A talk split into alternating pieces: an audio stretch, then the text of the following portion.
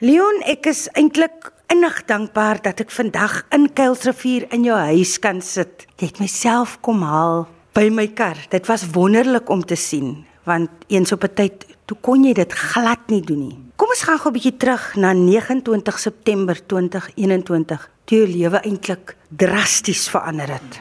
Heidi baie dankie. Dit is 'n groot voorreg om jou hier by ons te hoor. Altyd met 'n mooi smile van jou. 29 September was absoluut 'n pad wat ek nog nooit imagine het ek sou loop nie. Ek het vir COVID getoets en toe die 1 Oktober as ek in intens intensiewe eenheid opgeneem. My lewe drasties verander toe die kort. Ek het die stem verloor, ek het my mobiliteit verloor. Die brein was ook nie meer so goed soos wat dit was nie. Toe was ek op suurstof vir 'n lang tyd gewees.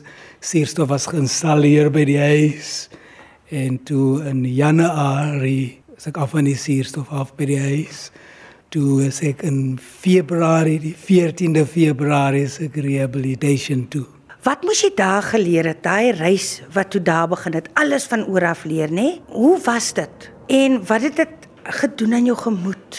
Het jy ooit moed verloor in daai tyd? Ek moet alles van voor af weer leer. Nou as 'n mens se kind is, dan gebeur dit goed normaal, maar op my stadium moes ek dink hoe ek moet dinge sê, hoe ek moet loop, hoe ek moet dink. Um, en dit was vir my 'n verskriklike frustrating proses in die begin, maar ook was dit iets wat ek dink in my eerste paar weke maande kon ek glad nie aanpas. Die mens verval maar 'n bietjie in 'n depressie, in 'n donkerte. Ek het die beste uh mediese hulp gekry by Vincent Pelotti, multidisciplinary care. Heeldag maandag tot Saterdag toe. Dit was dit spraakterapie en dit was physio and a journey never traveled before. En daar was tye wat ek definitief gedink het my liggaam het my totaal verraai.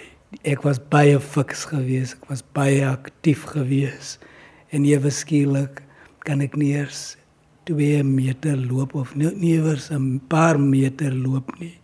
Ek was ek absoluut moeg. Ehm um, ek was totaal uh dependent op ander mense om my te help met met baie goed medikasie, met eet, met alles nou nog sukkel ek so nou en dan so bietjie met die dink, maar ek dink ek het 99% van my memory het ek teruggekry. Die loop is amper amper daar.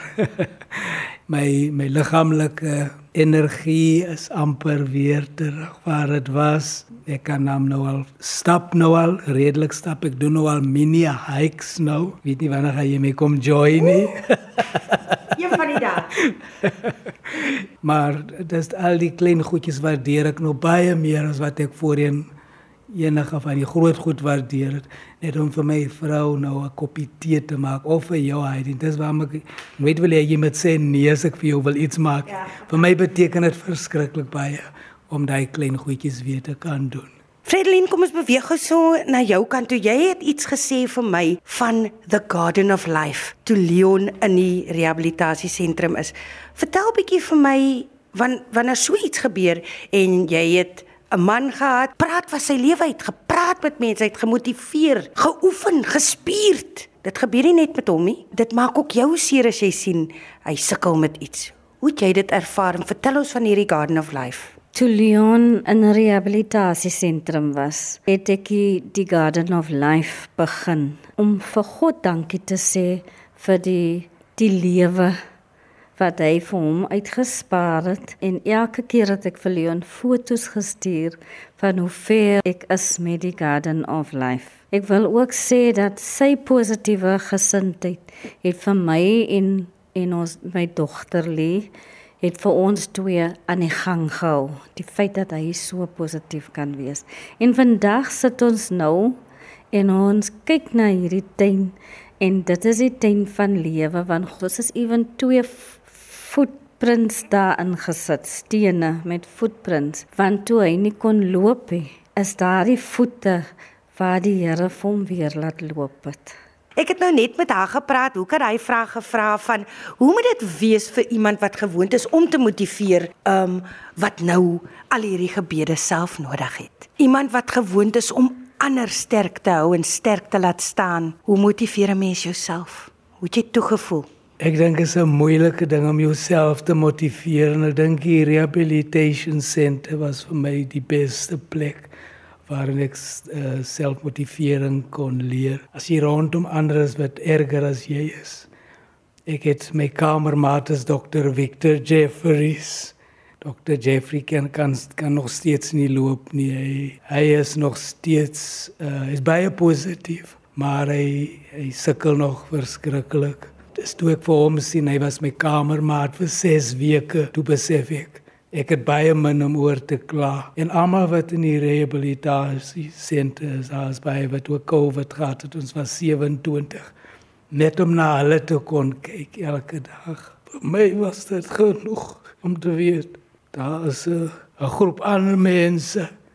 Want dit is moeilik om vir ander mense te verdedig altyd. Maar daar het ons nodig gehad om vir mekaar te verdedig, ons verstaan. Maar ook my familie al my dogter en my vrou Lee was my 24/7 care gewees. Sy was daar vir my vir alles in Fredlin ook. Maar die klein veranderingkies wat jy rondom jou sien, uh, motiveer jou. En elke dag se klein veranderingkies was genoeg motivering vir die volgende dag vir my. Ek wil weet oor die oefenprogram. Wat doen jy nou? Want ek sien jy lyk baie goed. Kry nou weer vorm in die arms. Dit is vir my so wonderlik om te sien want ek het die hele proses gevolg op Facebook. Ek was al voorheen by hom. Hy het al twee keer met my gesels en dit was voor hierdie hele ding gebeur het. En om 'n dop te gehou het op Facebook en om te sien hoe gaan hy van krag tot krag dag vir dag was vir my wonderlik om te sien en ek het eintlik gebid om hier te kan sit vandag en self te kom kyk en dit wat ek sien maak my hart bly en ek is seker daar's soveel wat jy kan sê vir soveel ander wat sukkel op die oomblik. So hoe hoe gaan dit nou met die oefenprogram? Baie goed, Heidi. baie goed. Hoe met al die oefeninge wat ek gekry het by die rehabilitasiesentrum en die fisio was fantasties. Maar eendag het iemand ingestap by ons huis, ehm um, Florence Groende en haar man Archie en hulle het gesê ons ons het niks om te gee nie, nou hulle is altyd verskriklik baie aktief. Ehm uh, met die ages en met oefeninge en met bergklimmer en alles. Hulle het gesê die enigste gift wat ons vir jou kan gee is ons tyd. Elke week stap ons. Ons het nou laaste lions het gedoen. Ek kan ook begin muscles sien waar aan die muscles was nie. Ja, en muscles muscles begin beweeg waar aan nie was nie. En nou ek het 17 kg verloor in my eerste maand en ek is nou weer besig om te om te regain, maar die oefenprogram is regtig fantasties en om iemand soos Florence coach Florence te is absoluut wonderlik want dit motiveer vir my om te sien hoe gemotiveerd sy is. So Leon, wat sê jou boodskap van hoop?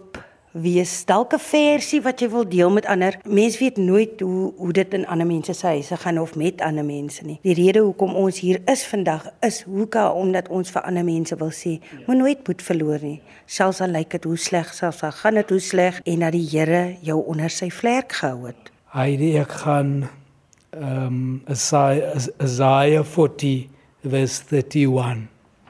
Ek gaan dit in Engels lees.